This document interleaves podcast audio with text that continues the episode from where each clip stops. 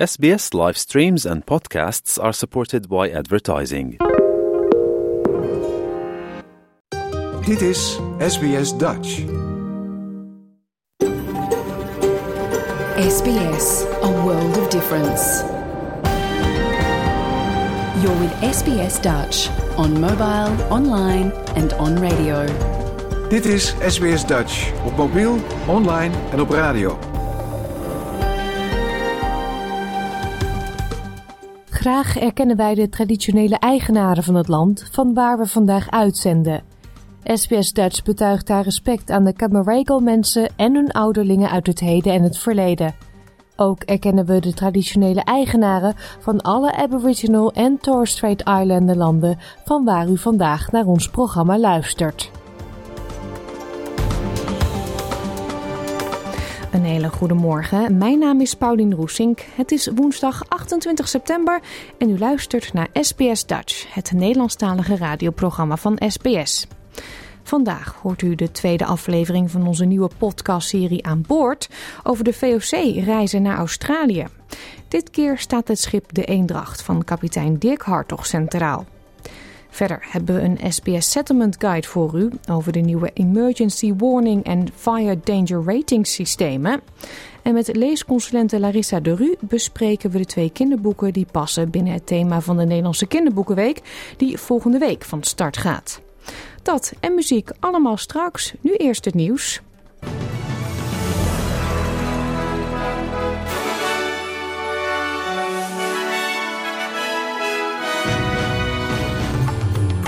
Dit zijn de headlines van het SBS Dutch Nieuwsbulletin van woensdag 28 september.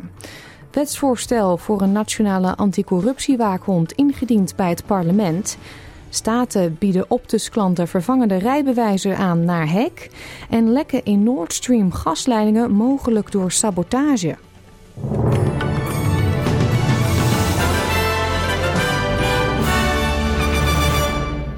De Crossbench is bezorgd over het principe dat de nationale anticorruptiewaakhond, opgezet door de Albanese-regering, alleen openbare hoorzittingen zal houden in uitzonderlijke omstandigheden. Procureur-generaal Mark Dreyfus heeft het wetsvoorstel, dat in vier jaar tijd 262 miljoen dollar zou kosten, vandaag naar het parlement gestuurd. Ahead of the election on the 21st of May, the Australian Labor Party pledged that if the Australian people gave us the honour of governing this nation, we would repay their trust by returning integrity, honesty, and accountability to government. Labor told Australians that if we were elected, we would legislate a national anti corruption commission this year. Today, we honour that commitment. Hoewel senator David Shoebridge van de Groenen zegt dat zijn partij het wetsvoorstel steunt, waarschuwt hij ook dat het publieke vertrouwen alleen kan worden gewonnen als de hoorzittingen openbaar zullen zijn. Uh, what, one of the best disinfectants for corruption is sunshine. Public hearings are critical to the work of this National Anti Corruption Commission.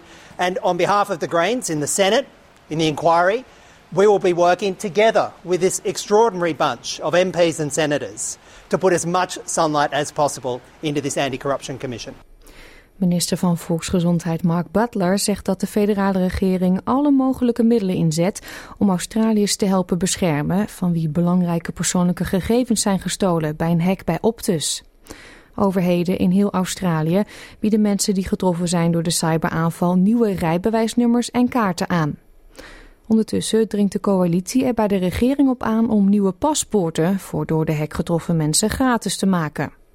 Minister Butler zegt dat de regering samenwerkt met de Australische federale politie om de gegevens te herstellen. We're particularly concerned that only in the last 24 hours did we learn of the breach of Medicare data. So we're working hard to to um, develop strategies for a response to that, as government has been, for example, for some time in relation to passport numbers, as state governments have been in relation to driver's license numbers.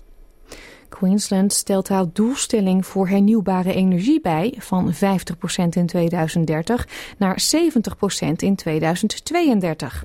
Premier Anastasia Palaszczuk onthulde het nieuwe energiebeleid van de staat in een bericht op sociale media. Volgens haar gaat het om goedkopere, schonere en veilige energie voor de inwoners van Queensland. Maandag al maakte Palaszczuk de plannen bekend om in Queensland het grootste openbare windpark in Australië te bouwen. De Australische consumentenwaakhond vreest een gigantische prijsstijging aan de pomp, aangezien de tijdelijke brandstofaccijnsverlaging om middernacht komt te vervallen. Gevreesd wordt dat de benzineprijs met meer dan 20 cent per liter omhoog gaat.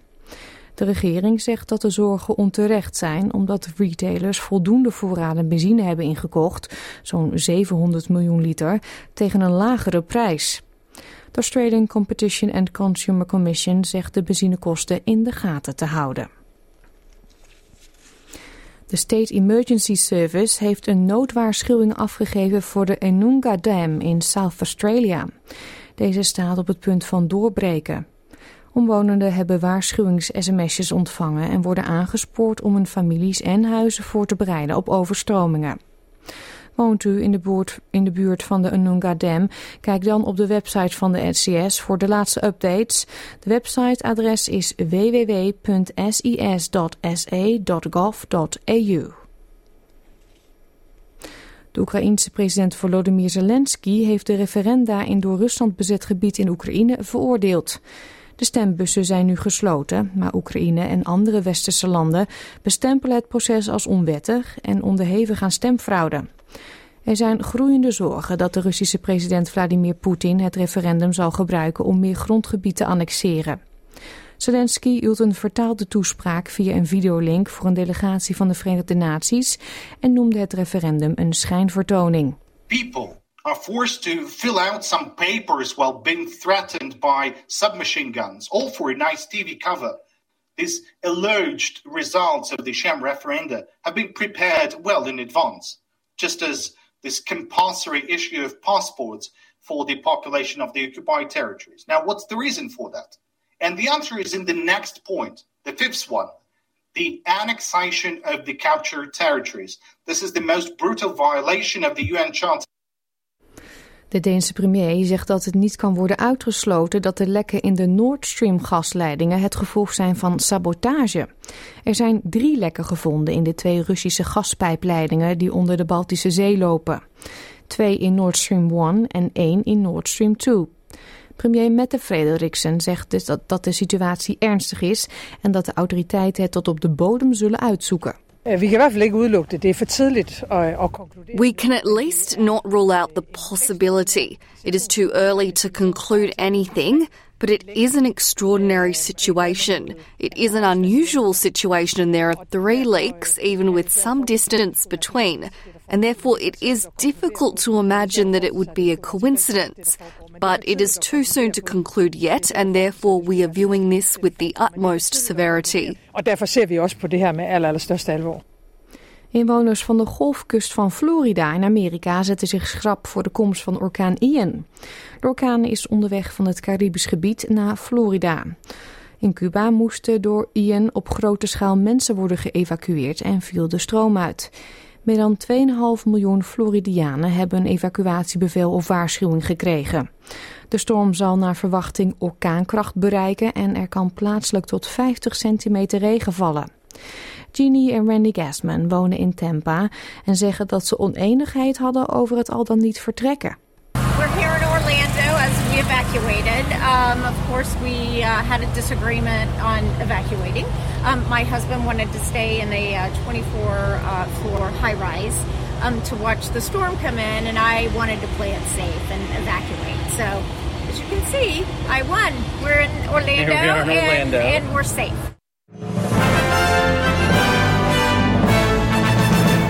Kijken we natuurlijk nog even naar de weersverwachting voor vandaag. In Perth is het overwegend zonnig en wordt het 26 graden. Adelaide, daar gedeeltelijk bewolkt, 17. Melbourne buien, maar die nemen geleidelijk af, 16 graden daar. En Hobart kans op een paar buien, ook 16. Canberra buien, 17. Wollongong vergelijkbaar weer 19. Ook buien in Sydney, 21 graden. Newcastle, daar neemt de buiigheid af en wordt het 23 graden. Ook in Brisbane vallen er buien, 25. In Cairns is het gedeeltelijk bewolkt, 31. Alice Springs, daar overwegend zonnig, 34. En in Darwin vallen buien, maar ook daar wordt het 34 graden. Dit was het SBS Dutch Nieuws.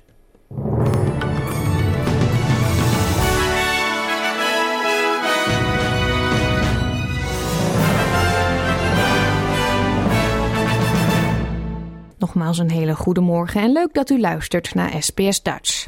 Straks gaan we aan boord van het VOC-schip De Eendracht, maar eerst gaan we praten over kinderboeken. Dit is SBS Dutch. Volgende week start in Nederland de Kinderboekenweek. Tijdens deze speciale week is er extra veel aandacht voor kinderen en lezen en krijgt men het speciaal geschreven Kinderboekenweekgeschenk cadeau bij aankoop van een kinderboek. Eerder deze week sprak ik met leesconsulente Larissa de Ru, die speciaal voor SBS Dutch twee kinderboeken bespreekt die perfect aansluiten op het kinderboekenthema van dit jaar. Jouw gemeenschap, jouw gesprek, SBS Dutch. Larissa, volgende week is het Kinderboekenweek in Nederland en het thema is Giga Groen, toch? Dat klopt helemaal, ja. Uh, eh, 5 tot en met 16 oktober. Dus weer tijd voor, de, voor extra aandacht in Nederland voor uh, alles wat met kinderboeken te maken heeft. En dit jaar is inderdaad het thema Giga Groen. Dat doen ze eigenlijk elk jaar. Want promotie van alle kinderboeken bleek een beetje te groot te zijn. Dus dan wordt er uh, een thema gemaakt. En het Kinderboekenweek Geschenk wordt daar ook op uh, afgestemd. En dat is dit jaar geschreven door iemand uit Australië. Ja, de man achter de Waanzinnige Boomhut-reeks. Ja, inderdaad. En um, het Kinderboekenweek Geschenk heeft ook echt een super lange naam. Het is namelijk de waanzinnige boomhut-verhalen over toen stoel in je neusdag was en andere waanzinnige gebeurtenissen. Ja, ik heb het ook echt opgeschreven, want anders is het niet te doen. Nee, dat hoor ik. Ja, met natuurlijk weer de, ook de illustraties die erbij horen. En uh, ja, super populaire boeken in Nederland. Dus ik denk zeker dat het uh, ja, ook een aantrekkingskracht heeft. Want je krijgt hem namelijk als je een boek uh, koopt in de boekenwinkel. Mm. dus een leuk cadeautje erbij. Ja, ja, dat zal een succes worden. Dat denk ik ook. Maar daar gaan we het nu verder niet over hebben. Jij hebt weer twee boeken meegenomen. Ja. Sluit je die aan op dat thema? Ja, nou ja, ik heb een beetje zitten nadenken. Wij hebben dan ook altijd, zoals dat vooral voor het onderwijs heet, kerntitels. Dus dan wordt er door een centrale organisatie boeken uitgezocht die heel goed bij het thema horen. Dat is natuurlijk echt ja, de natuur ontdekken, buiten zijn. maar er zijn zoveel meer leuke boeken. En soms ook wel boeken die ja, dichter bij de kinderen staan, vind ik dan. Dus ik heb even zitten speuren. En voor vandaag heb ik twee boeken waar ook een heleboel extra dingen bij zijn op een website of een YouTube kanaal. Dus dan eh, is het ook gewoon voor de luisteraars leuk. Dan kunnen ze het al een beetje ontdekken voordat ze het fysieke boek eventueel in handen krijgen. Ja, interactief dus. Ja, um, we beginnen met een boek van Joshua Douglas. Die heeft al veel andere boeken ook geschreven, um, die ze misschien ook kennen. Uh, jij noemde er net ook al een, die jij in de kast had of gelezen hebt. Ja, ik heb eh, dat echt nog niet lang geleden. Um, maar het was. Oh oh, het is Costa Banana oh, ja. en de Hupplepup Generaal. Maar uh, ik weet even niet wat Hupplepup ook alweer was. Uh, de gruwelijke is het. De gruwelijke ja. generaal, exact. ja, hij heeft meerdere inderdaad geschreven over Costa Banana. En het grappige is dat een van de personen die in dat verhaal voorkomt, daar is hij nu een nieuwe reeks mee begonnen. En dat heet Bureau Speurneus. En ook dat speurneus, dat is uh, eigenlijk een enorm lange afkorting uh, van iets dat ook over speuren gaat. Maar daar ga ik nu niet aan beginnen. Dat moet dus dan maar even opzoeken, want anders komt er weer zo'n hele uiteenzetting. Mm. Um, het is leuk voor kinderen vanaf een jaar of negen, denk ik, om zelf te lezen. Voorlezen kan al wel iets uh, eerder. En uh, het is deel 2 dus, maar wel los te lezen van deel 1. En het principe gaat over speurneuzen dus. Een vader en een zoon. En um, ja, dit is ook heel leuk, want in het begin van het boek worden alle belangrijke karakters uh, worden even in beeld gebracht met een heel grappig tekeningetje bij. Dus daar kun je, nou, dan ben je meteen op de hoogte waar het over gaat. En ik zal straks even wat meer vertellen over waar het boek over gaat. Uh, maar ik wilde eerst eventjes het over Joshua Douglas zelf dus hebben. Hij heeft een ontzettend leuke website waarin hij ook heel veel uh, vlogfilmpjes heeft over hoe hij boeken schrijft wat er allemaal gebeurt voordat een boek een boek is. Um, nu bij het thema zal hij ook vast wel weer een filmpje plaatsen. je kunt ook allerlei ja, interactieve dingen doen op zijn website. Uh, wil je bijvoorbeeld zelf schrijver worden, dan heeft hij uh, een, ja, hoe heet het ook alweer? Een verhalengenerator. En dan uh, druk je dus echt op de knop en dan komen er dus een, spannend, ja, het, de plot van het verhaal. Dus bijvoorbeeld over iemand die uh, giftige paddenstoelen um, de wereld inbrengt. En dat draait dan echt zoals zo'n rat. En dan komt het zo in beeld, zo steeds langzamer. En dan kun je nog een keer op een knop drukken en dan uh, gaat hij ook een uh, hoofdpersoon voor je genereren. En het idee is dan dat je daar een verhaal mee kan schrijven. Nou, ik heb het gisteren even getest op mijn dochters. Die wilden alleen maar opnieuw aan het rad draaien. ah, ja. die hadden verder geen aspiraties om een boek te gaan schrijven. Nee, nee, nee. Nou, de oudste die schrijft best wel veel boeken. Maar het, het is wel echt uh, ja, heel creatief. Dus het kan kinderen wel op weg helpen. Ja, en zijn uh, boeken zijn ook best wel in heel veel talen al, um, uh, ver, zeg maar in andere talen vertaald. Elf talen, waaronder dus ook Engels, Chinees, Italiaans. Ja, en hij heeft gewoon een hele humoristische schrijfstijl die kinderen ja, echt wel aanspreekt. Maar is hij Nederlands? Hij is Nederlands, jazeker. Oh, dat ja. zou zijn naam, zou je dat niet denken, Joshua nee. Douglas? Nee, inderdaad. Ah, misschien, ik weet niet, misschien heeft hij, nee, ik heb het daar wel over gelezen. Dat kun je op zijn website lezen. Hij heeft Schotse voorouders, maar ja. hij is opgegroeid in, als ik het goed onthouden heb, ik hoop niet dat hij boos wordt als ik het verkeerd onthouden heb, Groningen of zo. Ah. Kun je ze allemaal op zijn website vinden. Gaan we kijken. Ook een hele grappige omschrijving. Nou, dit heet dus Bureau Spurneus en de Jungle Bende. En het gaat dus over meneer Bruin en zijn zoon Lef. En die hebben dus samen dat detectivebureau. En dit boek begint met een oproep in de krant. En ze gaan meedoen aan een soort van detective-wedstrijd. En dat gebeurt in de jungle, want daar is iemand dus kwijtgeraakt. Nou ja, en als ze er zijn, blijkt het natuurlijk allemaal anders te zijn. En er blijkt, blijken ook nog in groot gevaar te zijn. Nou, dat is uh, heel spannend. En ik dacht, ik ga even op zoek naar een stukje waarin dat natuurelement heel erg naar voren komt. Mm -hmm. um, maar dat werd lastig, want eigenlijk um, alle stukjes die ik dacht, oh, dat gaat heel erg over dat gigagroen, verklapte veel te veel. Oh. Maar ik heb, nog een, ik heb nog een klein stukje elementje naar de natuur um, gevonden, wat ook meteen wel het, uh, ja, de humoristische schrijfstijl een beetje uh, neerzet. Het gaat namelijk, het hoofdstuk 27 heet Papegaaienpak. Duiza stond in een papegaaienpak voor de spiegel.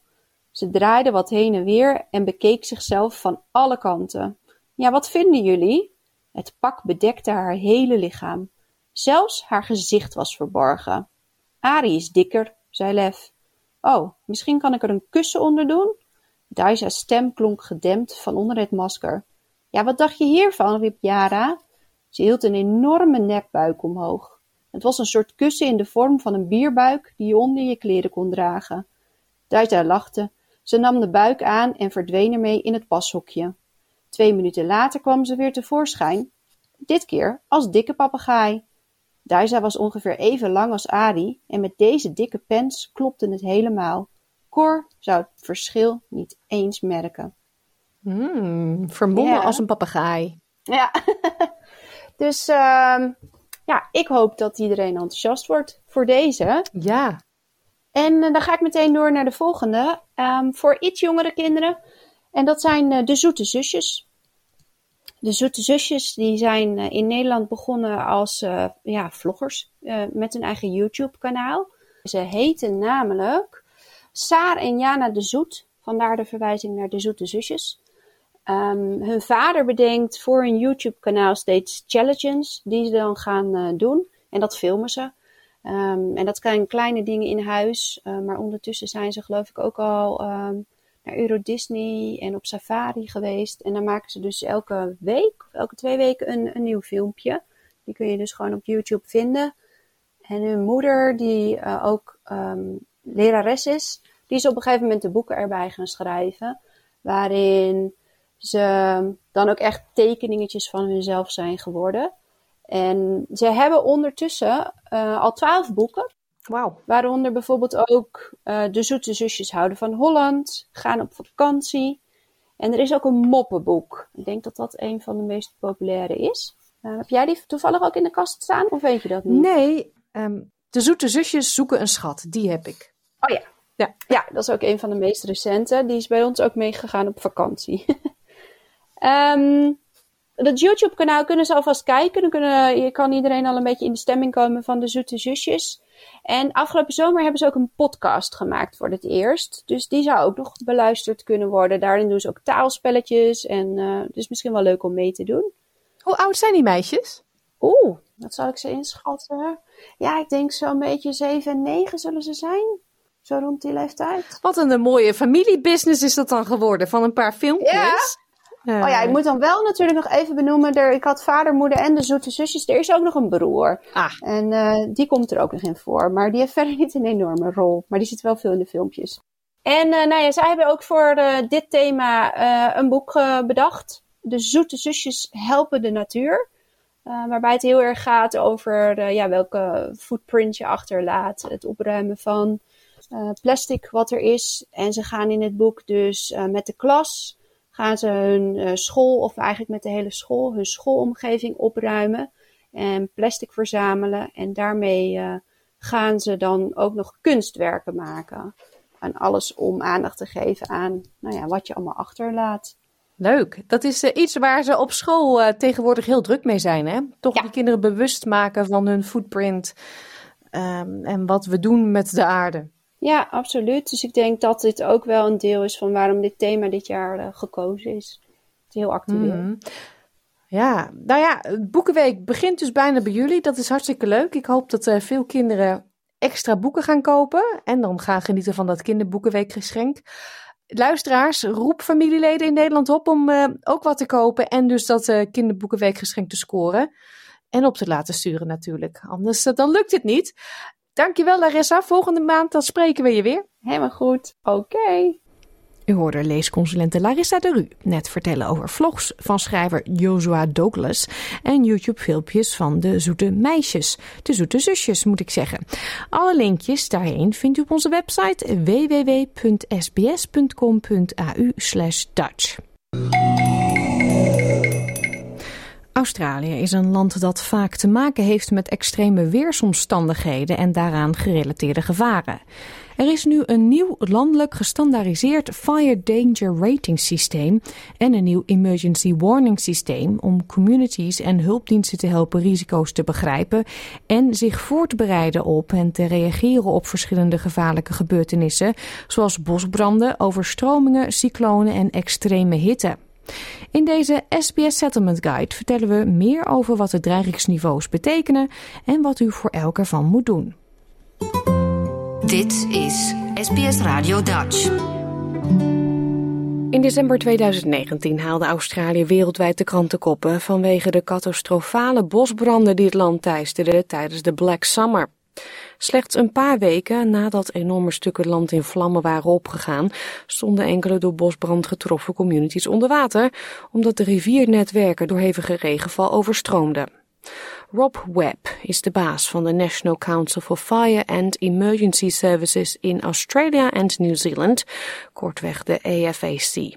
Hij zegt dat de meer dan de 30 noodhulpdiensten van verschillende staten en territoria in het land samen hebben gewerkt om een gecoördineerde aanpak te vinden om het beste te communiceren over, voor te bereiden en te reageren op de toenemende frequentie en ernst van natuurrampen. Australia is a wonderful place to live and a wonderful place to be throughout the year, but we do have these periods of disasters of all different kinds. As, as our climate is changing, we're seeing more and more compounding disasters where disasters are happening on, on, on the back of each other or they're happening over wider areas. And therefore, we're finding more and more we have to sh share resources across our borders. Australië heeft onlangs zijn noodwaarschuwingssystemen en brandgevaarclassificaties bijgewerkt en vereenvoudigd en één landelijk systeem geïntroduceerd.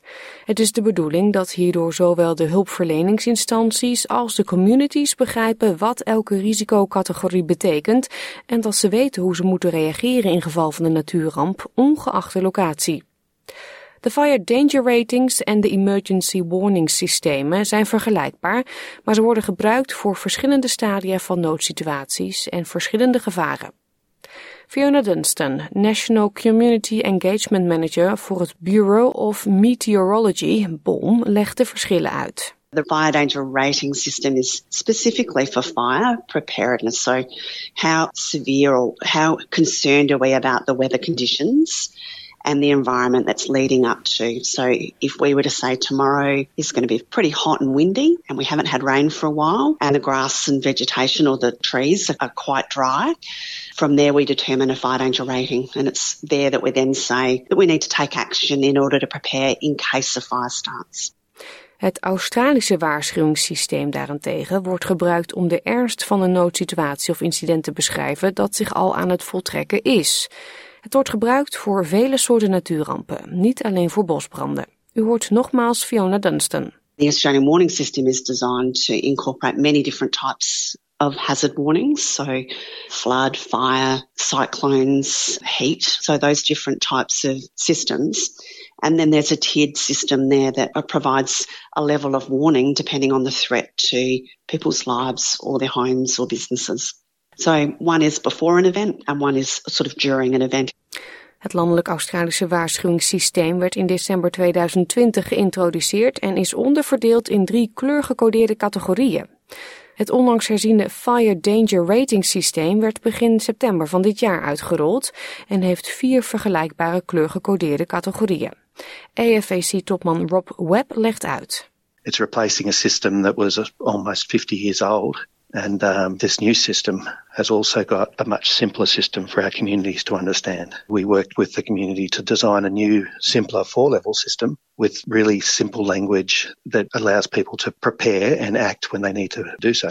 Elizabeth Gall is al heel lang vrijwilliger bij de Rural Fire Service in New South Wales. Ze zegt dat het van vitaal belang is om deze waarschuwingen te begrijpen. One of the things that we always see is that people who don't leave, don't understand or leave too late. We're often having to also work with them during very intense fires. And what that's actually doing is it's actually drawing away resources from firefighting because we need to then look after people supporting people to get out of those dangerous situations. Het nieuwe Fire Danger Rating systeem combineert de nieuwste wetenschap en gegevens die zijn verzameld door de verschillende hulpdiensten en het Australische Weersbureau. Volgens meneer Webb houdt het nieuwe systeem rekening met de verschillende soorten klimaat en vegetatie in verschillende delen van het land. Previously, we only used two different types of fuel. We had forest fuel and we had grass fuel. Now, using eight different types that recognize the very vast variety of vegetation we have around Australia. It allows us to provide more accurate information and on a much finer scale than we ever have been able to before. De eerste categorie van het Fire Danger Rating systeem is moderate en is groen. Het betekent dat het tijd is om te plannen en voor te bereiden. De categorie daarna is high. Deze is geel van kleur en betekent klaar zijn om te handelen. Webb zegt dat communities tijdens de groene en gele ratings worden aangemoedigd om zich te verdiepen in de weersomstandigheden en contact te houden met hun lokale hulpdiensten voor updates. In Australia, we always have to be mindful of conditions around us. It's a regular occurrence to get fires. On some days, when we say be ready to act, we're asking our communities to be a little more aware. They might check the weather a little bit more or check authorities' websites a little bit more and make sure that they understand what they might do on that day. De twee hoogste categorieën zijn extreme, dat is oranje, en catastrophic, dat rood is. Rob Webb legt uit dat het extreme niveau betekent dat je onmiddellijk moet handelen om je leven en eigendommen te beschermen. De rode categorie, catastrofaal, betekent dat je het bosbranden risicogebied moet verlaten om te overleven. So at that take action now, it really means you make a decision about what your actions will be on that day. When the fire conditions get up to that extreme level, that's where you really must be able to say, if a fire starts on those conditions, they will not be controlled in the heat of the day. So you have to be aware of what you're going to do, what your bushfire survival plan is, whether that's to stay in the location or whether you're going to move to a safer place. Volgens meneer Webb is je overlevingsplan voor bosbranden en hoe je reageert afhankelijk van uw specifieke omstandigheden. Terwijl in sommige meer dichtbevolkte gebieden van Australië het risico op bosbranden het hoogst is tijdens de warmere maanden, krijgen andere delen van het land, zoals het noorden, te maken met branden tijdens de winter. It will vary from person to person where your property is, how well prepared your property is. But ultimately speaking, if you hear that extreme forecast and you're in a bushfire prone area, that's where you must understand your own um, bushfire survival plan and then take that action of either you may choose to leave, you may choose to sit down with your family and discuss exactly what you might do on a day. Zodra zich een bosbrand of ander gevaar voordoet, treden de Australische waarschuwingssystemen met drie niveaus in werking. Het eerste niveau is Advice. Het is geel en betekent dat het gevaar gaande is, maar dat er geen direct gevaar is. Het tweede niveau is oranje en heet Watch and Act. Dit betekent dat omstandigheden veranderen en dat je actie moet ondernemen om jezelf te beschermen. Het derde niveau is de rode Emergency Warning. Dit wil zeggen dat je in gevaar bent en dat wachten en niet reageren uw leven in gevaar brengt. Fiona Dunstan vertelt hoe je op elke waarschuwing moet reageren afhankelijk van het soort noodgeval. Bij overstromingen of brand kan het nodig zijn om het gebied te evacueren. Als het gevaar echter extreme hitte of hagelbuien betreft, moet u mogelijk beschutting zoeken. Het is essentieel om vooraf te bepalen hoe u en uw huishouden zullen reageren. having a plan and talking about it with their household about, you know, if we are threatened by an event, what are the types of things we want to do? Where do we want to go? What will we take with us? What will we do with our pets, our children, all of those things. So it's really important that the discussions that are had at a household and within a community happen well before we're actually issuing formal warnings for the types of events as they unfold. Rob Webb zegt dat iedereen contact moet opnemen met hun lokale hulpdiensten om informatie te vinden over de soorten gevaren die zich in hun omgeving kunnen voordoen. Do you get floods? Do you get storms? Do you get fires? Understand the risks that might be there and learn what you can do to um, reduce those risks. That's most important. And that takes a little bit of work, but a small investment in time to understand the hazards in the area can actually save your life further down the track. Deze aflevering van de SBS Settlement Guide werd samengesteld door Claudiana Blanco. Ga voor meer informatie over de Emergency Warning en Fire Danger Rating systemen naar onze website www.sbs.com.au/dutch. Twee weken geleden zijn we gestart met de nieuwe podcastserie Aan Boord over de reizen van de VOC naar Australië. We voeren mee op de Duifken en hoorden hoe Benno van Tilburg vertelde over het eerste contact van de Duifken met de Aboriginals. Vandaag aflevering 2, de erfenis van de Eendracht.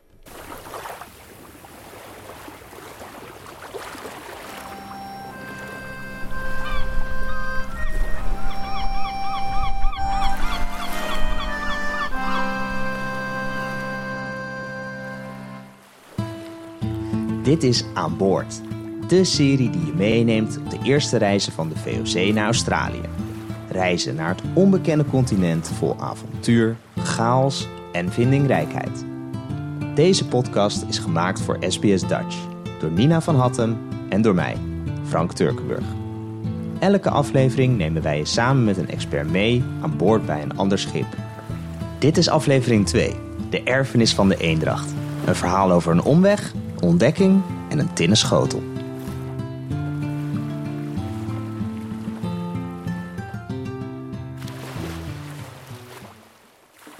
Het is 21 januari 1616.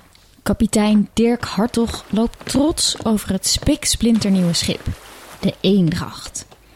Dirk is een jonge en een beetje eigenwijze man. En samen met vier andere schepen vertrekt hij vanuit Nederland richting Bantam in Nederlands-Indië. Maandenlang scheren ze over het water en onderweg naar Kaap de Goede Hoop verliest kapitein Hartog de andere boten uit het oog. En daar bij Kaap de Goede Hoop moet hij de bocht om. En hij kiest als enige voor de zuidelijke route. De vier andere schepen hebben de noordelijke route gekozen. Twee maanden lang varen ze op open zee Onderweg zijn al 16 mannen doodgegaan door scheurbuik. En dan, op een dag, verandert de ruige zee langzaam in onvoorspelbaar en ondiep water. De zee is azuurblauw en ze zien walvissen. Er verschijnen zelfs rotsen tussen het water en de golven breken op de koraalriffen. Het wordt steeds gevaarlijker. Bovenin de mast van het 47 meter lange schip zit een van de bemanningsleden. Land in zicht, roept hij. En ja hoor, aan de horizon verschijnt een landmassa. Dirk kijkt dolblij naar de kustlijn. Maar zijn opperstuurman, Pieter Dokkers, kijkt verward. Hij kan dit land niet vinden op de kaarten.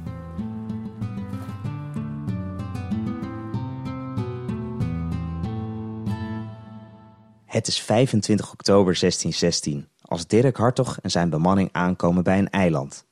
Zonder dat ze het weten zijn ze de eerste Europeanen die de westkust van Australië hebben bereikt. Ze noemen het onontdekte land naar hun schip. Eendrachtsland. Hoe kwamen zij hier terecht? En wat doe je als kapitein als je in een onontdekt gebied komt? Om daarachter te komen ga ik langs bij Tamar Davidovic.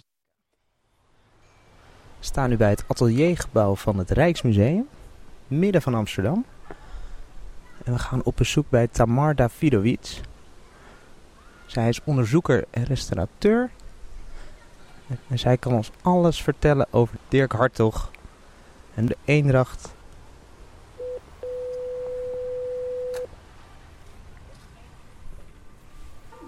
Hallo. Tamar. Hi, aangenaam. Frank. Welkom Frank, hallo. Ze nemen me mee naar binnen bij het ateliergebouw aan de Hobbemastraat in Amsterdam. Op haar werktafel ligt een groot metalen kruis en andere roestige objecten. We nemen plaats aan haar bureau, dat vol ligt met documenten en foto's. Tamar, kan jij vertellen wie Dirk Hartog was? Dirk Hartog was een schipper voor de VOC. Hij kwam uit een familie die in de scheepvaart zat. Dus zijn vader was ook een schipper. Uh, zijn zwagers waren matrozen. Zijn broer was een timmerman uh, op schepen. Dus uh, het zat echt in de familie. En hij is opgegroeid ja, midden in Amsterdam, eigenlijk aan het IJ, haven van Amsterdam. Hij was ook bekend als iemand die wel wat durfde. lastige routes ging die allemaal aan. Dus waarschijnlijk was dat ook de reden dat, dat ze hem hiervoor vroegen. En ze namen de zuidelijke route, de Brouwersroute, als ik het goed Ja, precies. Uh, Hendrik Brouwer, die had uh, ja, een paar jaar daarvoor, had hij, uh, ja, waren ze aan het kijken of er andere routes mogelijk waren. Want het duurde heel lang natuurlijk. Als ze, als ze naar um, Oost-Indië gingen, dan gingen ze helemaal langs de kust van Afrika, weer helemaal omhoog langs de westkust en dan langs de zuidkust van Azië. En dat duurde heel lang en het was ook een probleem omdat uh, sommige gebieden uh, nog um, gedomineerd waren door de Portugezen bijvoorbeeld. Dus ze moesten om tijd te besparen, maar ook om, om confrontaties te besparen, um, waren ze aan het kijken naar alterna alternatieve routes. En uh, Hendrik Bauer had dus gevonden dat um, als je bij Capo de Hoop zo uh, naar het oosten volgt, dan kom je de, de Roaring Forties tegen. Uh, en dat zijn sterke stromingen en ja, wind wat richting het oosten gaat. En ze hadden zo'n vermoeden dat dat de reistijd zou verkorten. Dus Dirk Hartog met de Eendracht was de, de enige en eerste die die route nam op dat moment in 1616. Um, maar op dat moment konden ze heel lastig uh, de lengtegraad meten. Dus um, nou ja, het ligt aan wie je het vraagt. Of hij het opzettelijk of uh, dat het per ongeluk was gebeurd. Maar hij is dus niet uh, vroeg genoeg naar het noorden gaan varen. Maar op een gegeven moment kwamen ze Australië tegen. Ja. En wat dachten ze toen? Ja, het is, het is heel interessant. Want als je naar kaarten kijkt van voor 1616... dan zie je vaak zo'n zuidelijke landmassa. En er staan ook vaak op die oude kaarten gefantaseerde wezens en, beestjes. Uh, want ze dachten altijd, er, er moet een grote landmassa daar zijn... anders is de wereld niet in balans en valt het gewoon om. dus, um, dus dat was een beetje de gedachte erachter. Dus er, er werd vaker, ja, er werd altijd gedacht, er moet iets zijn... maar niemand was het in ieder geval bewust tegengekomen.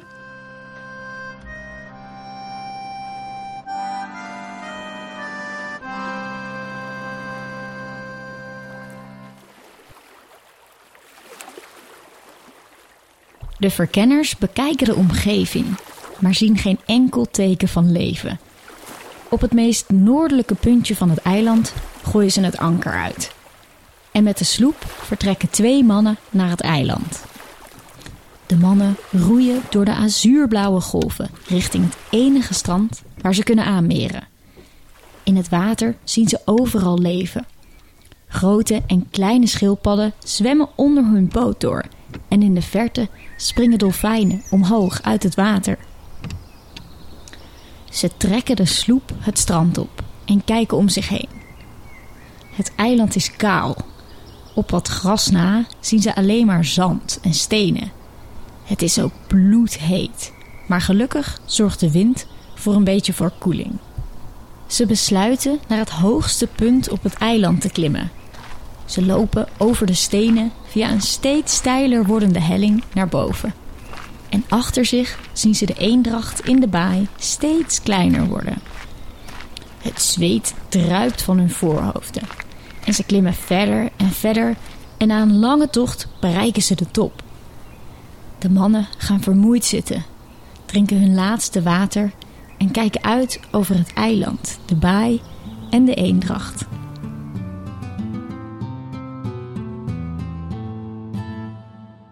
De mannen staan aan de top van wat we nu het Dirk Hartog-eiland noemen.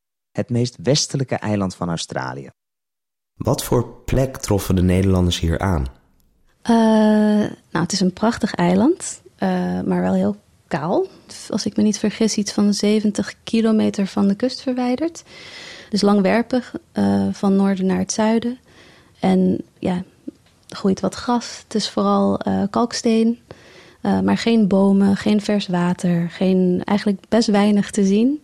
Maar Shark Bay, het, de zee tussen tussen Dirkhartog-eiland en, en uh, het vasteland. Ja, is prachtig. Het is, zit vol met riffen en um, het is heel ondiep. Dus heel veel dieren komen juist daar om zich voor te planten. Ja, en het eiland zelf die staat, ja, weet niet precies, maar ongeveer 30, 40 meter boven, boven zee. Dus ja, je hebt heel mooi uitzicht ook van, vanuit het eiland. Ja. Is het dan toeval dat dit schip goed tussen de riffen door is gekomen? Ja, of, uh, of Dirk uh, Hartog was een hele goede schipper. Dat, dat kan ook. nee, het is, het is echt gevaar, want het waait ontzettend hard. Dus er is niks tussen Afrika en, en deze kust. Um, dus je hebt enorme golven en um, ja, swells. En um, ja, als de weer niet mee zit, dan dan kan het heel heftig worden. En je hebt ook, omdat het inderdaad ondiep is, heb je veel riffen en um, uh, sandbanks overal. Ja, dus je moet heel nauwkeurig en voorzichtig vooruit om een veilig plekje te vinden om, om te ankeren. En waarom zijn ze aan land gegaan in dit onbekende gebied? Hun voornaamste doel was dus handel. Ze wilden ook natuurlijk zien of er um, ja, natural resources waren die ze konden verhandelen of uh, meenemen. Dus dat was waarschijnlijk een grote reden om, om te kijken. Ook voor vers water, voor ja, vers uh, fruit of uh, ja, iets dergelijks. En hoe lang zijn Hartog en zijn mannen hier geweest? Ja, ik vind het altijd opmerkelijk om, om dit te beseffen, maar ze, ze zijn maar twee dagen gebleven. Je, je zou denken een nieuw een nieuw continent. Dan wil je eigenlijk alles ontdekken en zien. Maar nogmaals, er was helemaal niks te verhandelen. En ze waren al veel te laat. Met, het was dus niet een efficiënte reis geworden. Dus uh, ze moesten zo snel mogelijk richting Oost-Indië. Dus ze zijn maar twee dagen gebleven. En uh, ja, zijn ze alweer vertrokken. En Tamar, jij bent op het eiland geweest. Dat klopt. Ik was daar precies 400 jaar nadat Hartog en zijn mannen er waren.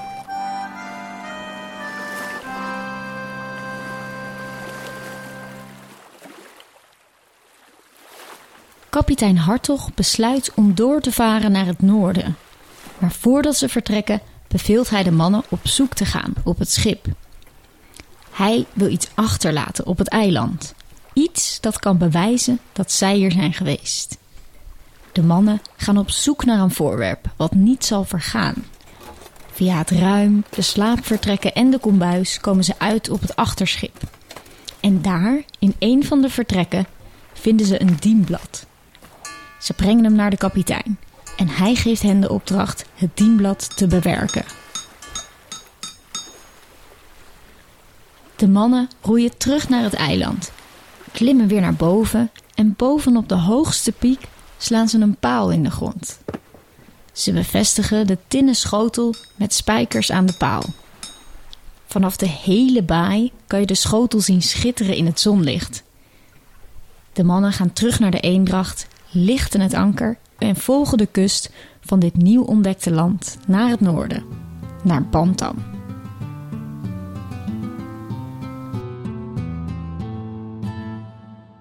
De VOC deed dit vaker, toch? Ja, dat was eigenlijk best gebruikelijk. Ehm, in het Engels heten ze postal stones. Die vind je vaker terug ook uh, langs de kust van Afrika. Dat deden ze de Portugezen ook, net op een andere manier. Maar de Nederlanders die lieten vaak uh, dit soort berichten achter op uh, stenen of op boomstronken in hout. soms lieten ze ook echt brieven achter. maar ja, in dit geval kwamen ze aan en was er sowieso geen hout om, om berichten achter te laten. En het steen is zo brokkelig en, en bros dat je er echt niks in kan, kan schrijven of krassen of iets dergelijks. Dus het verkruimelt gewoon in je handen. Dus, dat, uh, ja, dus ze moesten een andere oplossing vinden. Wat ze dus uh, deden, best slim. Ze pakten een tinnen schotel van het schip. die hebben ze plat gedrukt. En daar hebben ze een, ja, de tekst in ge, geponst, geciceleerd. met een bijtel of een pons. Um, en ja, heel slim, omdat tin eigenlijk een, een zeer geschikt materiaal daarvoor is. Ten eerste is het zacht genoeg om een inscriptie in te zetten. Het is uh, ook goed bestendig tegen chloridecorrosie, dus uh, goed bestendig tegen zout water, wat heel veel metalen niet zijn. En dat wisten ze ongetwijfeld. En het, het glimt natuurlijk enorm. Dus als je iets weer wil achterlaten wat anderen later weer gaan terugvinden, wil je natuurlijk dat doen met een materiaal wat opvalt. En zeker opvalt vergelijken, vergeleken met uh, de omgeving. En deze tinnen schotel kennen we tegenwoordig als de Hartogschotel. Hij ligt in het Rijksmuseum en Tamar is de enige persoon ter wereld die hem mag aanraken. Ze heeft jarenlang de schotel gerestaureerd. We lopen het ateliergebouw uit, steken de straat over en gaan het Rijksmuseum in. Met de trap gaan we naar de bovenste verdieping en via de drukbezochte hallen komen we aan bij een vitrine. En daar ligt hij, pal voor mijn neus. Oké, pardon. Daar ligt hij dan? Ja, ja hij ligt... Uh... Hier is hij. Ja. De hartogschotel. De hartogschotel, ja. Hoe is dat voor jou om hem zo uh, te na, zien? Na, na al het lezen erover? Ja. Ja, het is tin. Maar ja. het lijkt ook wel bijna een soort ja, klei. Ja, inderdaad. Dat gebeurt met tin. Het is eigenlijk altijd tin, ja, zo refereren we ernaar in het Nederlands. En tin is wel de, de grootste, ja, uh, grootste onderdeel, maar het is altijd gelegeerd met lood en met koper. En die uh, corroderen allemaal anders. Mm -hmm. uh, dus vandaar dat je zo'n... Verschillende ja. Oppervlakte. Precies, die... precies. En, en tin oxideert ja. vooral. Dus die reageert vooral met uh, zuurstof. En dan krijgen die delam delaminerende lagen. En dat is ja, wat je nu eigenlijk voornamelijk ziet. En je ziet ook nog een soort uh, kringloop in het midden. Is dat waar het oude dienblad was? Ja, dus dat is uh, de binnenrand van ja. het... ja, van het schotel, bord. Schotel, inderdaad. dus het was best een ondiep, ondiepe schotel.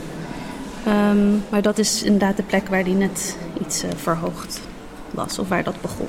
Ja. die rand. En wat staat er precies op? Een sec bericht. Er staat een, de datum op. Datum dat die is achtergelaten. En dan de, ja, met de belangrijkste namen van de, van de leden van het schip. Dus de stuurman, de opperkoopman, de schipper, Dirk Hartog, waar het ja. dus naar vernoemd is. Um, en uh, de datum dat ze aan zijn gekomen en waar ze uiteindelijk naartoe gingen. En iets lager staat, staan ook een paar andere uh, bemanningsleden, de namen daarvan. Dat, dat is het eigenlijk.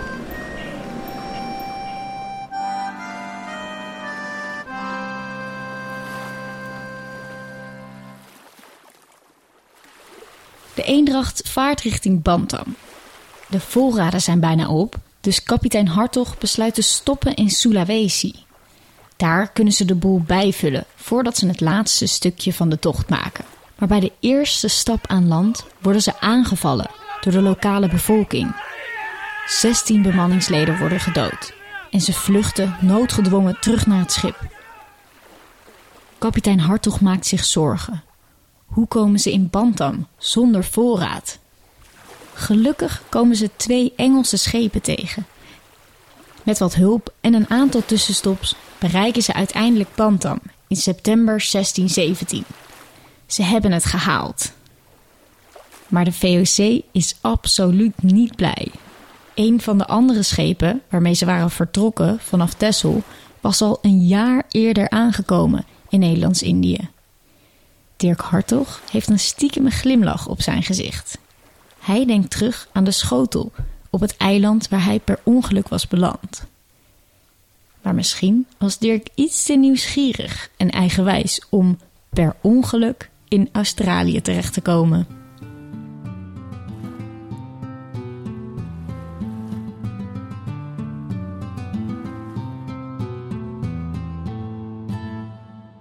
En hoe is de schotel hier terechtgekomen?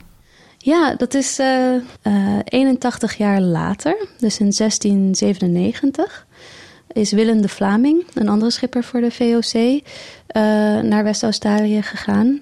Hij had eigenlijk twee doelen. Eén was om te kijken of iemand. er was een andere schip vergaan en ze wilden kijken of er ja, iemand het overleefd had. Dat was één van de doelen. En het andere doel was om eindelijk een goede uh, inventarisatie om een goede kaart te maken van West-Australië. Nou, dat heeft hij gedaan. En uh, tijdens die reis heeft hij, uh, ja, heeft hij de schotel gevonden. Waanzinnig toch, dat bijna 100 jaar later weer zo'n object wordt teruggevonden. Wat nog meer bijzonder is, is dat het al gevallen was van die paal. Dus um, het, toen ze hem terugvonden, lag hij nog daarnaast. En wat betekent deze schotel voor de Australiërs? Ja, dat kan ik moeilijk voor Australiërs invullen, maar um, het was heel bijzonder om daarheen te gaan. In Nederland weten zeer weinig mensen hiervan af. Uh, überhaupt dat een Nederlander Australië voor, voor het Westen dan heeft gevonden. Uh, maar in Australië is het wel een zeer bekend verhaal, zeker in West-Australië, omdat er zoveel uh, ja, geschiedenis is met Nederland en Nederlanders. Dus daar leert ieder kind op de basisschool uh, van het moment dat Dirk Hartog de schotel aan de paal spijkerde. En uh, dat uh, ja, kindjes maken allemaal replica's van de schotel op school. En toen ik er was, zag ik wel, toen, toen hij onthuld werd, stonden echt mensen met tranen in hun ogen daarnaar te kijken. Dus ja, het was wel heel bijzonder om te zien. Dirk Hartog is na zijn reis uit dienst gegaan van de VOC en overlijdt vier jaar later in Amsterdam. Maar zijn herinnering blijft voortleven door de naar hem vernoemde Hartogschotel. Te bewonderen in het Rijksmuseum in Amsterdam. Dit was Aan Boord, een serie van SBS Dutch. Gemaakt door mij, Frank Turkenburg en Nina van Hatten. Met dank aan Tamar Davidowits. Volgende keer hoor je aflevering 3. De Vrouwen van de Batavia.